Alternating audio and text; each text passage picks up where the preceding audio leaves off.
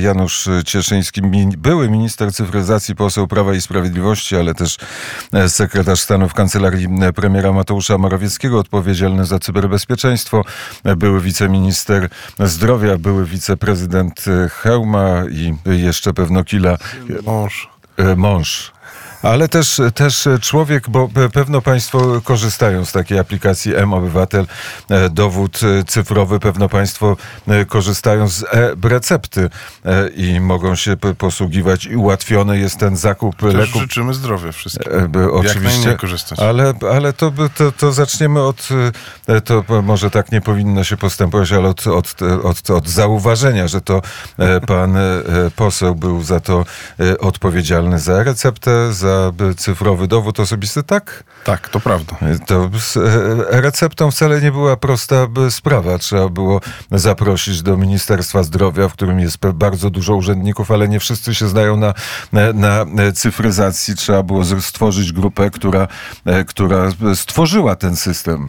Ale eksperci się znaleźli. Można nawet powiedzieć, że oni już byli na miejscu, a dzięki temu, że miałem też wsparcie profesora Łukasza Szumowskiego, to te sprawy poszły naprawdę szybko i po dekadzie niemocy w dwa lata niecałe od mojego przyjścia do Ministerstwa Zdrowia minęły do uruchomienia już na pełną skalę y, funkcjonowania tego systemu e-recept.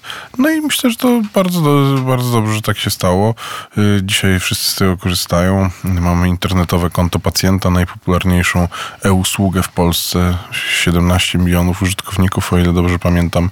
Także y, widać, że te usługi cyfrowe, kiedy są dobrze zrobione, kiedy są wygodne, kiedy nam oszczędzają czas, to po prostu z nich korzystamy. A to internetowe konto pacjenta też powstało za e, czasów tak Prawa i Sprawiedliwości? Tak się złożyło, że tak. tak to okropne naprawdę. To to powinna być komisja śledcza w tej sprawie. Moim zdaniem jeszcze będzie.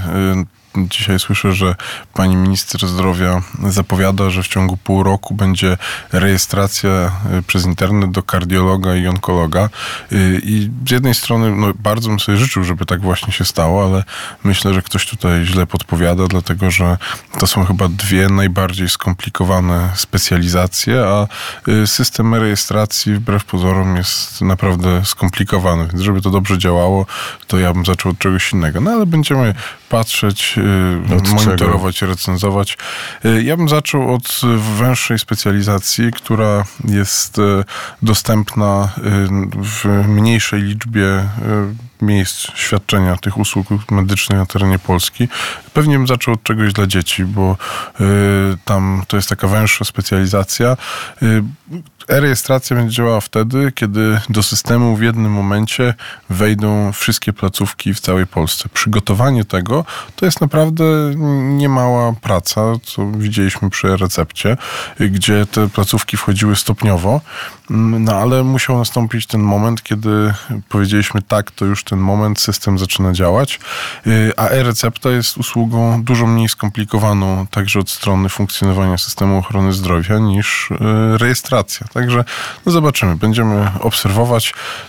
Taka jest rola konstruktywnej opozycji, żeby patrzeć na ręce władzy i yy, co, co oczywiście nie, nie, jest, nie jest literaturą faktu, tylko science fiction, ale gdyby pani minister e, panu zapro, zapro, zaproponowała, proszę pana, wprowadził pan receptę, wprowadził pan e, cyfrowy dowód osobisty, wprawdzie jest pan z PiSu, no ale trudno, proszę, zapraszam pana do tej pracy. Przyjąłby pan takie zaproszenie? jeżeli bym dostał propozycję wejścia do rządu Platformy Obywatelskiej, no to bym wtedy powiedział tej osobie, która dzwoni, że no, to nie jest najbardziej udana taka radiowa prowokacja.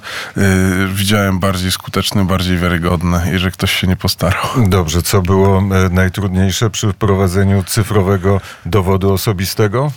Mm, najtrudniejsze było y, ściągnięcie do administracji zespołu ekspertów i to się udało. Y, dzisiaj w Centralnym Ośrodku Informatyki mamy ludzi, którzy mają doświadczenie w sektorze bankowym, y, w telekomach, przy prowadzeniu projektów naprawdę na dużą skalę. Efektem było to, że udało nam się zrobić aplikację, która przez co najmniej kilka tygodni była na samej górze, jeżeli chodzi o swoją kategorię we wszystkich sklepach z aplikacjami w Polsce. No i to pokazuje, że to był naprawdę strzał w dziesiątkę w ciągu pierwszych czterech miesięcy od lipca do listopada, kiedy odchodziłem z ministerstwa, było ponad 5 milionów wydanych cyfrowych dowodów. Jest pan też e, e, odpowiedzialny za to, e, odpowiedzialny to może złe słowo, ale w każdym razie wprowadził pan ten PESEL, dzięki któremu Ukraińcy, którzy uciekają, uciekli z Ukrainy, wyjechali. Uchodźcy wojenni z Ukrainy mogli bardzo szybko dostać PESEL i zacząć funkcjonować na terenie Rzeczpospolitej. Mam nadzieję, że nie słuchał nas pan poseł Grzegorz Braun, bo jak się zaraz zobaczymy w Sejmie, to mogę mieć problemy. Ale a mówiąc zupełnie poważnie, to tak, uruchomiliśmy ten projekt w ciągu trzech tygodni od y, startu pełnoskalowej inwazji na Ukrainę.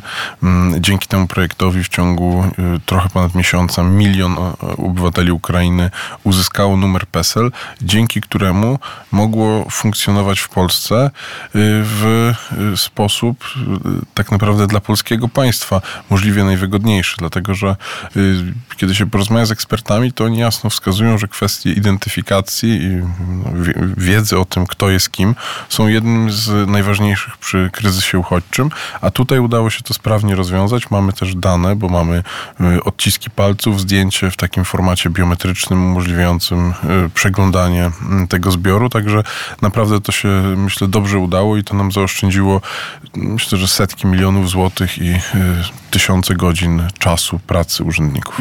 Wie pan, że do Polski przyjeżdżają przedstawiciele Unii Europejskiej, którzy wyjeżdżają stąd z przeświadczeniem, że społeczeństwo polskie pomogło Ukraińcom, a rząd Mateusza Morawieckiego e, nic nie zrobił, bo taki jest brief e, i takie jest przekonywanie e, ludzi w Europie, że tutaj Mateusz Morawiecki, rząd Morawieckiego zasnął w 24 lutego i spał aż do szczęśliwej, szczęśliwego momentu, czyli do 15 października 2023 roku, kiedy Polska została obudzona przez charyzmatycznego przywódcę Donalda Tuska. Myślę, że tam ci państwo rzeczywiście chcieliby w to wierzyć, ale... Wierzą. E, no, no, kto im zabroni? To już jest ich sprawa. Wszyscy w Polsce wiemy, jak było to e, czy wiemy, czy nie, nie wiemy? Myślę, że wiemy. My, myślę, że y, ludzie dzielą się na dwie kategorie. Wiem i wiem, ale nie powiem. E, tak, e, tak pan myśli. Bo może przyjdzie czas na zacytowanie dzisiejszej Gazety Wyborczej, ale skoro zaczęliśmy od Ministerstwa Zdrowia, no to jest, to jest tak, że była pandemia i były maseczki i były respiratory i to też jest przyczyna wielu artykułów w gazetach i być może komisji śledczej, być może prokuratorzy może się już zajmują tą sprawą. Jak wygląda? Ta sprawa od samego początku, czyli od 2020 roku jest przedmiotem zainteresowania prokuratury. Ja tam zresztą zeznawałem jako świadek i ja powiem tak, ja mam nadzieję, że czy prokuratura, czy komisja śledcza, mam nadzieję, że ktoś po prostu raz a dobrze tę sprawę wyjaśni, tak żeby ten ściek, który się wylewa mm, w opinii publicznej, na przykład na profesora Łukasza Szumowskiego, y, który jest tutaj absolutnie niesprawiedliwie oskarżany o nieuczciwość, o to, że postępował niezgodnie z prawem. Y, zresztą na mnie też, ale tam, tym to się mniej przejmuje. Pamiętam wtedy, jak Y, y, mój szef od rana do wieczora naprawdę no, oddał wszystko, co miał, y, żeby walczyć z pandemią, która mm, pojawiła się w Polsce. I jeżeli ktoś jest obiektywny i spojrzy na dane z tamtego czasu, to Polska była jednym z liderów, jeśli chodzi o najmniejszą liczbę zakażeń, zgonów i konsekwencji zdrowotnych, jeżeli chodzi o pandemię. No przynajmniej w tym okresie, kiedy ministrem zdrowia był profesor Łukasz Szumowski. A z tymi respiratorami jak było? Było tak, że y, tego sprzętu po prostu nie było. Y, ja sam odpowiadałem za tę transakcję, więc znam wszystkie jej szczegóły. Mieliśmy rekomendację od agencji wywiadu, która wskazała, że to jest firma, która może ten sprzęt dostarczyć. Weryfikowaliśmy to y, także w Centralnym Biurze Antykorupcyjnym i otrzymaliśmy informację, że mm, CBA nie widzi jakichkolwiek przeciwwskazań do współpracy z tą firmą i z to osobami. To było na piśmie, oczywiście. Oczywiście i to zresztą niedawno podczas jakiejś audycji w internecie to się chyba nazywało Szalona Polityka. Panowie zapytali, na gdzie to jest. Ja powiedziałem, no wyślę zdjęcie i to zdjęcie wysłałem, także mogę też tutaj, nie wiem, może na antenie radiowej słabo się to pokazuje, ale oczywiście ta korespondencja, o której teraz mówię, czyli potwierdzająca wiarygodność tej firmy, była przesłana do Ministerstwa Zdrowia mm, i weryfikowaliśmy też, czy ten sprzęt to jest sprzęt, który rzeczywiście jest niezbędny. Ja korespondowałem ten temat z ówczesnym konsultantem krajowym do spraw anestezjologii intensywnej terapii. No i ta korespondencja miała przebieg mniej więcej taki, że przysłałem te modele, pan profesor powiedział tak, to tego potrzebujemy. No ja zapytałem o cenę.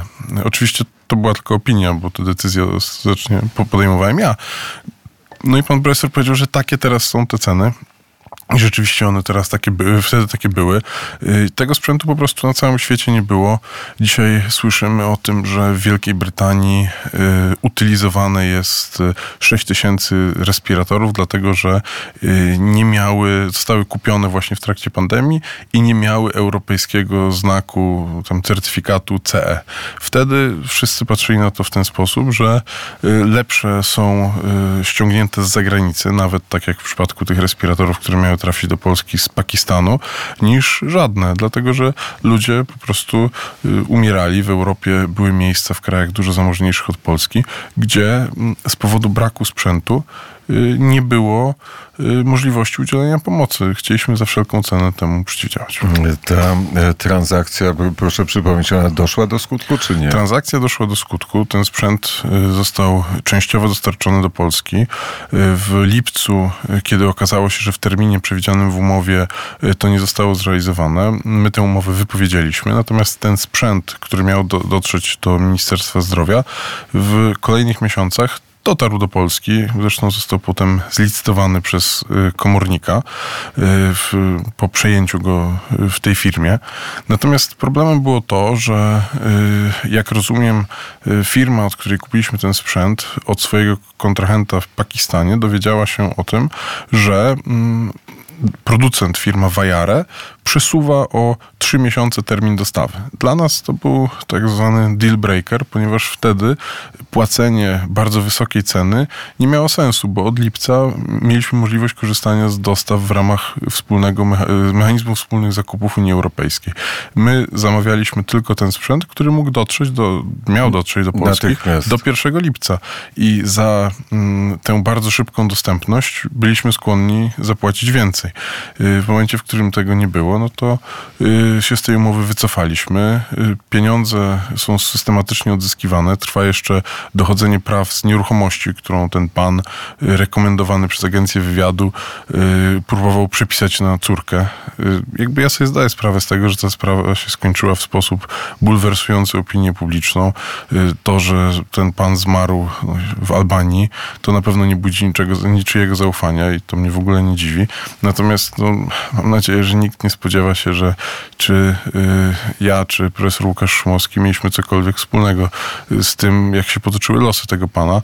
Został on nam przedstawiony jako współpracownik polskich służb specjalnych i tak też go traktowaliśmy. Mm, czyli to była rekomendacja agencji wywiadu. No to w takim razie przejdźmy do, do laptopów. Ostatnio dla czwartoklasistów laptopy e, zapowiedział premier Mateusz Morawiecki. Każdy czwartoklasista w Polsce miał e, takiego laptopa otrzymać. Ci, ci, którzy, e, ci, którzy poszli w roku 2023 roku do szkoły, dostali. Następni prawdopodobnie nie dostaną, bo jak powiedziała pani minister, na laptopy nie ma pieniędzy. Pani minister, myślę, nie odrobiła pracy domowej. Bo nie musi, bo no, prace domowe są. Nie... Podobno dopiero od 1 kwietnia, ponieważ to, co mówi na ten temat, po prostu jest niezgodne z prawdą. Na, na rozliczenie tego projektu w ramach KPO jest czas do trzeciego kwartału 2025 roku, a do tamtego czasu można korzystać z tak zwanego mechanizmu prefinansowania. I rzeczywiście prawdą jest to, że Komisja Europejska wskazała, że trzeba uzupełnić pewne rzeczy rzeczy, między innymi y, zakończyć pracę nad strategią cyfryzacji edukacji. To się zaczęło jeszcze, za, kiedy ministrem był pan profesor Przemysław Czarnek. Y, I po tym, jak to będzie zrobione, będzie można przedstawić faktury do rozliczenia i ja jestem przekonany, że to się uda rozliczyć. To jeżeli będzie tylko chce. No właśnie, jeżeli będzie tylko dobra wola y, po stronie rządu i y, na pewno dopóki jeszcze się zajmowała tym ekipa premiera Mateusza Morawieckiego, no to robiono wszystko, żeby tak się właśnie wydarzyło. Natomiast no, moim zdaniem to jest element takiej brutalnej walki wewnątrz koalicji rządzącej, dlatego że według mojej wiedzy jest tak, że po prostu pan e, premier Gawkowski nie dostał 500 e, milionów złotych, e, które potrzebne mu były do tego, żeby zrealizować to w tym roku i dlatego musi dokonać sanacji programu, no a że nie może zrzucić tego na swojego szefa Donalda Tuska, który dwa razy obiecywał dzieciom laptopy i ani razu ich nie dostarczył, no to musi to, to musi to zrzucić na Prawo i Sprawiedliwość. Natomiast tutaj też no, nie ukrywam, że to jest naprawdę y, taka polityczna podłość, co wczoraj widzieliśmy, dlatego że mm, zarzuty, mm, mówienie o zarzutach prokuratorskich bez podawania żadnych szczegółów. To zacytuję, ga, no widzę Gazetę Wyborczą, 15 strona Gawkowski. Mogło dojść do e, korupcji. Wszystko wskazuje na to, że doszło do naruszenia przepisów karnych, do korupcji w trakcie przetargu e, laptopy dla uczniów. No właśnie, czyli to jest y, w taki... Po, poprzez takie niedopowiedzenie, wskazywanie właśnie na y, Ministerstwo Cyfryzacji, no, na mnie osobiście też, y, ale sam y, premier Gawkowski wczoraj potwierdził wielu osobom, że to nie chodzi o mnie ale nie był skłonny tego powiedzieć publicznie. No, niestety jest tak, że ministrem, premierem się bywa i jeżeli cokolwiek się w tym czasie robiło, podejmowało się jakieś decyzje, to zawsze potem może ktoś przyjść i powiedzieć, tu była korupcja, nie podać szczegółów i po prostu zostawić y, y, mediom czy, czy, czy jakimś trollom z internetu y, takie używanie w tej sprawie. Ja mam nadzieję, że pana premiera Gawkowskiego nic takiego w życiu nie spotka i będę namawiał kolegów i koleżanki z Sejmowej Komisji Cyfryzacji do tego, żebyśmy zorganizowali niejawne posiedzenie w sprawie właśnie wyjaśnienia, o co chodzi z tymi zarzutami prokuratorskimi, bo to jest po prostu sąd kapturowy i lincz medialny. A w jaki sposób wybierano tą, te, te firmy, które dostarczały te laptopy? Za przetarg nie odpowiadało Ministerstwo Cyfryzacji, tylko Centrum Obsługi Administracji Rządowej, czyli instytucja, która kupuje komputery do wszystkich instytucji rządowych, do wszystkich urzędów, ministerstw, jako tak zwany wspólny zamawiający, czy centralny zamawiający y, ten sprzęt został dostarczony przez producentów chyba y, no, wszystkich wiodących, albo prawie wszystkich wiodących marek. Dell, Lenovo, y, no nie, nie, nie, nie wyliczę wszystkich, nie chciał e, Acer, Asus, y, Hewlett Packard, no wszystkie te wiodące mm, firmy, które dostarczają sprzęt elektroniczny w tym przetargu brały udział i mniej więcej każda z nich jakąś część, jakąś, jaką część tego zamówienia otrzymała, ponieważ ono zostało w tak, zbudowane w taki sposób, żeby nie było tak, że dostaje to jedna firma. Firma, która stawała do tego przetargu, musiała się wykazać doświadczeniem. Jeżeli popatrzymy, y, jak, jacy dystrybutorzy stoją za tym zamówieniem, to są to no, największe firmy dystrybuujące sprzęt elektroniczny y, w Polsce. Y, zostało zawartych 13 umów ramowych, czyli takich umów, które były warunkiem w ogóle wejścia do tego przetargu. I później y, dla 73 regionów Polski y, były tak zwane umowy wykonawcze, czyli taka dogrywka, w której dostawcy jeszcze bardziej schodzili z ceny. To był super transparentny przetarg w pełnym trybie y, właśnie z ustawy Prawo Zamówień Publicznych i y, przyglądała się temu Krajowa Izba Odwoławcza, nie stwierdzono żadnych nieprawidłowości. Y, no i przede wszystkim ten sprzęt po prostu trafił do młodych ludzi, a dzisiaj słyszymy, że tych komputerów nie będzie. To jeszcze e, cytaty z ministra e, Gawkowskiego w czasie kampanii wyborczej powiedział, że ministrem cyfryzacji nie powinien być polityk. E, to jeden cytat, a drugi cytat już nie z ministra Gawkowskiego, tylko z pana Janusz Cieszyński, poseł Prawa i Sprawiedliwości, jest gościem poranka wnet, tylko pan uznał, że nominacja pana Gawkowskiego, z którym się panu dobrze współpracowało, nie, ma, że wiązał pan nadzieję z tą nominacją jakieś pozytywne. I dalej wiąże, dlatego że to, że ktoś nawet popełni jeden błąd, to nie oznacza, że należy go skreślić. Każdy, kto coś robi i pracuje, popełnia błędy. Zresztą tu widać bardzo dobrze różnicę pomiędzy panią minister Nowacką i panem premierem Gawkowskim, bo pan premier Gawkowski zaczął od tego, że zaprosił do ministerstwa no, chyba wszystkich zainteresowanych w ogóle cyfryzacją w Polsce, zorganizował wielkie konsultacje, no, a pani Nowacka wie najlepiej i właśnie informuje nas, że nie będzie prac domowych, zrezygnujemy z jednej piątej materiałów w szkołach. No, nie wiem, ja już jeszcze czekam tylko na to, aż y, pani Nowacka y, wystąpi w ogrodniczkach na polu i, i powie, że tu rozpoczynamy naukę zbierania szparagów. No, te e, szparagi warto zbierać, bo są bardzo e, dobre. A co w Sejmie się mówi o, e, o, o, tym, co się zdarzyło pannie chyba, albo pani Tun, która została powołana na stanowisko dyrektora w Ministerstwie Cyfryzacji w ciągu 24 godzin straciła pracę. Oczywiście podpisała kontrakt, w związku z powyższym za tą straconą pracę będzie miała wynagrodzenie, ale to nie jest takie istotne, tylko istotniejszy jest tryb, w jakim to zostało zrobione. Ja uważam, że jest tak, że mm, wszędzie w administracji powinniśmy zatrudniać ekspertów w obszarze cyfryzacji, nowych technologii, które się zmieniają bardzo dynamicznie, y, w szczególności. Y, Maria Tun bez, bez wątpienia taką ekspertką jest, ma doświadczenie z pracy w zarządach międzynarodowych korporacji, y, czy ona po prostu wie, z czym to się je. I po prostu powiem tak, myślę, że o trybie tego to już napisały media wszystko. Ale co Z mojego sądzi? punktu widzenia po prostu szkoda, że nie udało się takiej osoby ściągnąć do pracy dla Polski, bo jeżeli chcemy budować silne państwo, chcemy budować cyfrowe państwo, to tego nie da się zrobić ludźmi z łapanki. To jest zupełnie oczywiste. No, ale tutaj zainterweniował e, premier Donald Tusk. O co o tej interwencji pan sądzi? Wydaje mi się, że to oznacza, że e, pan premier Donald Tusk chyba y, po prostu kierował się tutaj y, brakiem sympatii rodzinnych i y, myślę, że to jest bardzo złe.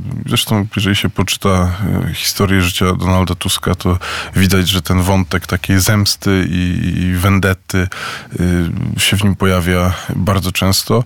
Myślę, że to nie jest dobra cecha u polityka, bo wyborcy wybierają parlamentarzystów, rząd po to, żeby załatwiał dla nich konkretne ale mówi pan zemsta, vendetta, uśmiechnięty polityk przecież. No, wydaje mi się, że to jest taki y, uśmiech jednak zawsze troszeczkę wykrzywiony. I to nie w takim dobrym słowa, tego no, słowa znaczeniu. Kiedy zaprosiłem pana e, posła do e, poranka wnet, to myślałem o Intelu, o tym, że nagle jest e, jakaś turbulencja, jeśli chodzi o budowę, największą budowę w Polsce. Mm, ta inwestycja, y, no, musimy jako Polska o nią y, walczyć, bo to jest największa inwestycja zagraniczna w Ale to jest Polski. tak, że to Intel chciał, czy też e, to była inicjatywa rządu premiera wszyscy, Mateusza Morawieckiego. Wszyscy chcieli. Premier Morawiecki się spotykał z kierownictwem Intela. Zresztą sam był akurat bardzo zaangażowany w ten e, projekt. E, no ale to są dwa lata naprawdę ciężkiej pracy instytucji polskich i też po stronie Intela. Natomiast jest jedna ważna rzecz, która może nie wszystkim się spodoba, no ale uważam, że trzeba to powiedzieć jaki by ten rząd obecny nie był, to w tych negocjacjach powinniśmy kibicować polskiemu rządowi, żeby zdobył dla nas jak najlepsze warunki, a nie firmie Intel, którą bardzo szanuję. Z jej e, zespołem przepracowaliśmy wspólnie wiele godzin i bardzo chciałbym, żeby ta fabryka powstała w Polsce, ale y, trzeba pamiętać o tym, że kiedy szczegóły różnych negocjacji przedostają się do mediów, to nie służy tym negocjacjom. Pamiętam, jak staliśmy y, na polu pod Wrocławiem, czekaliśmy na oficjalne ogłoszenie tej inwestycji pierwszy artykuł w tej sprawie w prasie pokazał się dosłownie 5 czy 7 minut przed oficjalnym początkiem wydarzenia. Dlatego, że wszyscy, nawet dziennikarze, których rolą jest dochodzenie prawdy,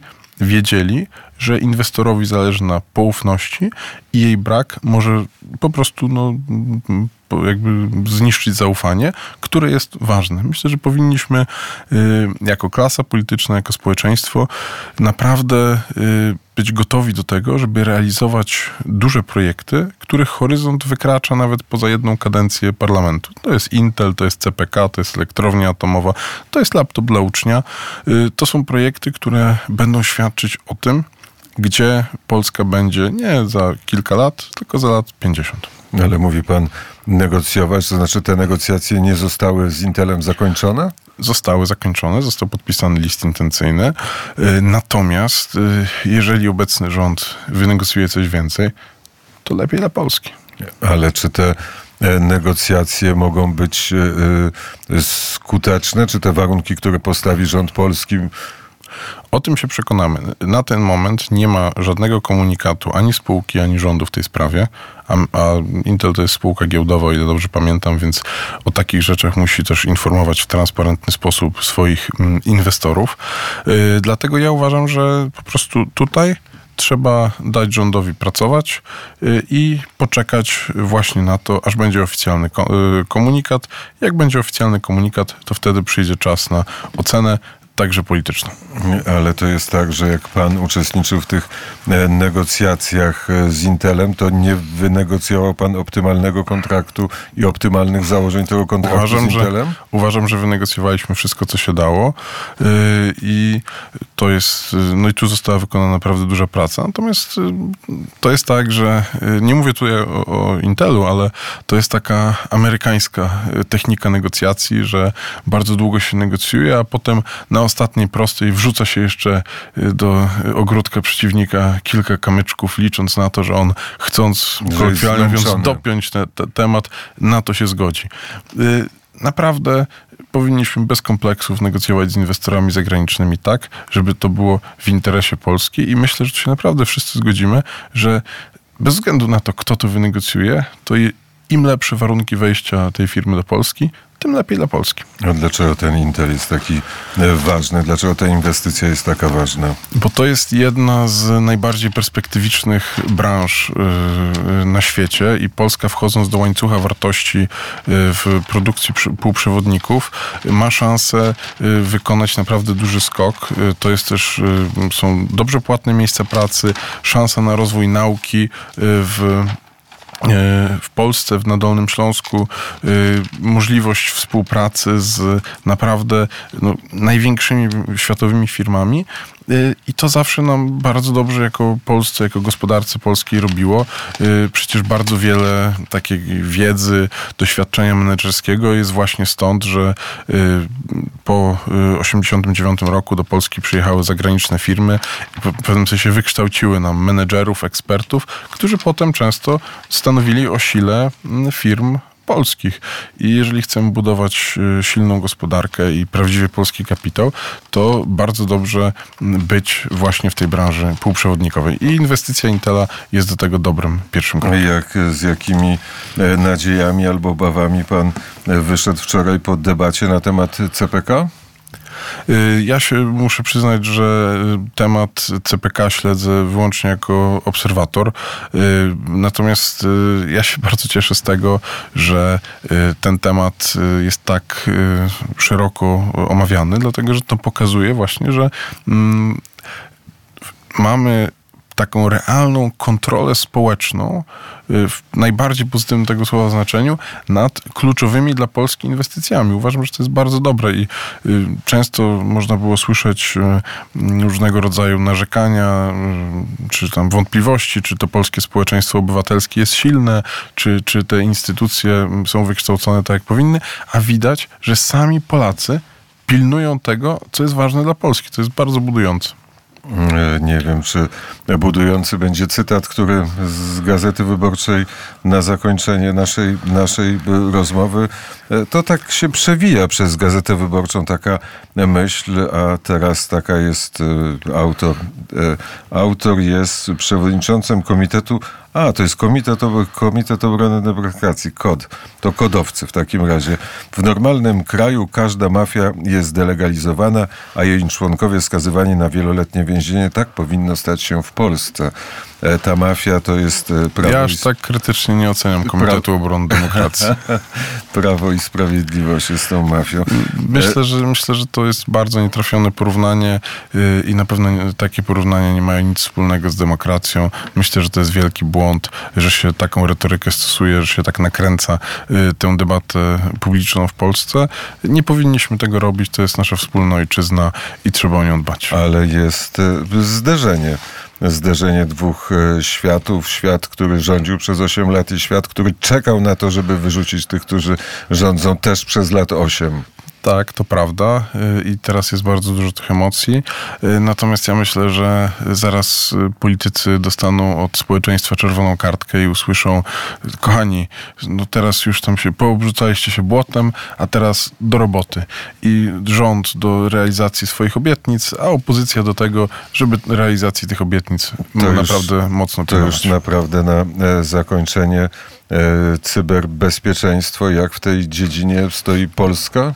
Y, Myślę, że dobrze. Cieszy fakt, że y, eksperci do spraw cyberbezpieczeństwa, którzy y, zbudowali swoje zespoły, swoje kariery zarządów Prawa i Sprawiedliwości, tacy jak szef Wojsk Obrony Cyberprzestrzeni generał Karol Molenda, czy szef tego pionu cyberbezpieczeństwa w NASK-u pan Adam Marczyński, oni pozostają na stanowiskach i chyba mają pozostać na stanowiskach, także mm, kontynuacja w takich sprawach jest bardzo ważna i cieszy mnie to, że ją teraz obserwujemy. Czy jest gdzieś ukryte dno polskiej polityki, w którym coś działa? Y, Moim zdaniem tak, dlatego że jeżeli się y, pójdzie do pracy w ministerstwie, to zawsze się tam spotyka osoby, które przychodziły do tego resortu na różnych etapach politycznych i te osoby ze sobą współpracują właśnie dla dobra Polski. Tak być powinno. Janusz Cieszyński, poseł Prawa i Sprawiedliwości, były, były minister cyfryzacji e, odpowiedzialny za cyberbezpieczeństwo i e, wiceminister e, zdrowia. To niektóre tytuły uczelni, jaką pan skończył? Szkoła Główna Handlowa. Finanse i rachunkowość. I dało się to wszystko policzyć, i dało się to wszystko ukończyć, ale jeszcze gdzieś pan był poza granicami? Nie. Y, Tyle to jak byłem y, malutkim chłopakiem, to y, razem z rodzicami na półtora roku wyjechaliśmy do Stanów Zjednoczonych, ale ja wtedy chodziłem do szkoły, także to myślę, że tej, nazwy tej szkoły nikt tu nie skojarzy. Jest godzina 8.46. Bardzo serdecznie dziękuję. A co dzisiaj w Sejmie? Głosowania, na które się spóźnię, jeżeli zaraz stąd nie wyjdę. A co będziecie głosować, panowie posłowie i panie posłanki? Mm, Zapoznam się z listą, jak będę Pędzimy. w drodze. Jest Wszystkiego godzina- dobrego. Szerokiej drogi.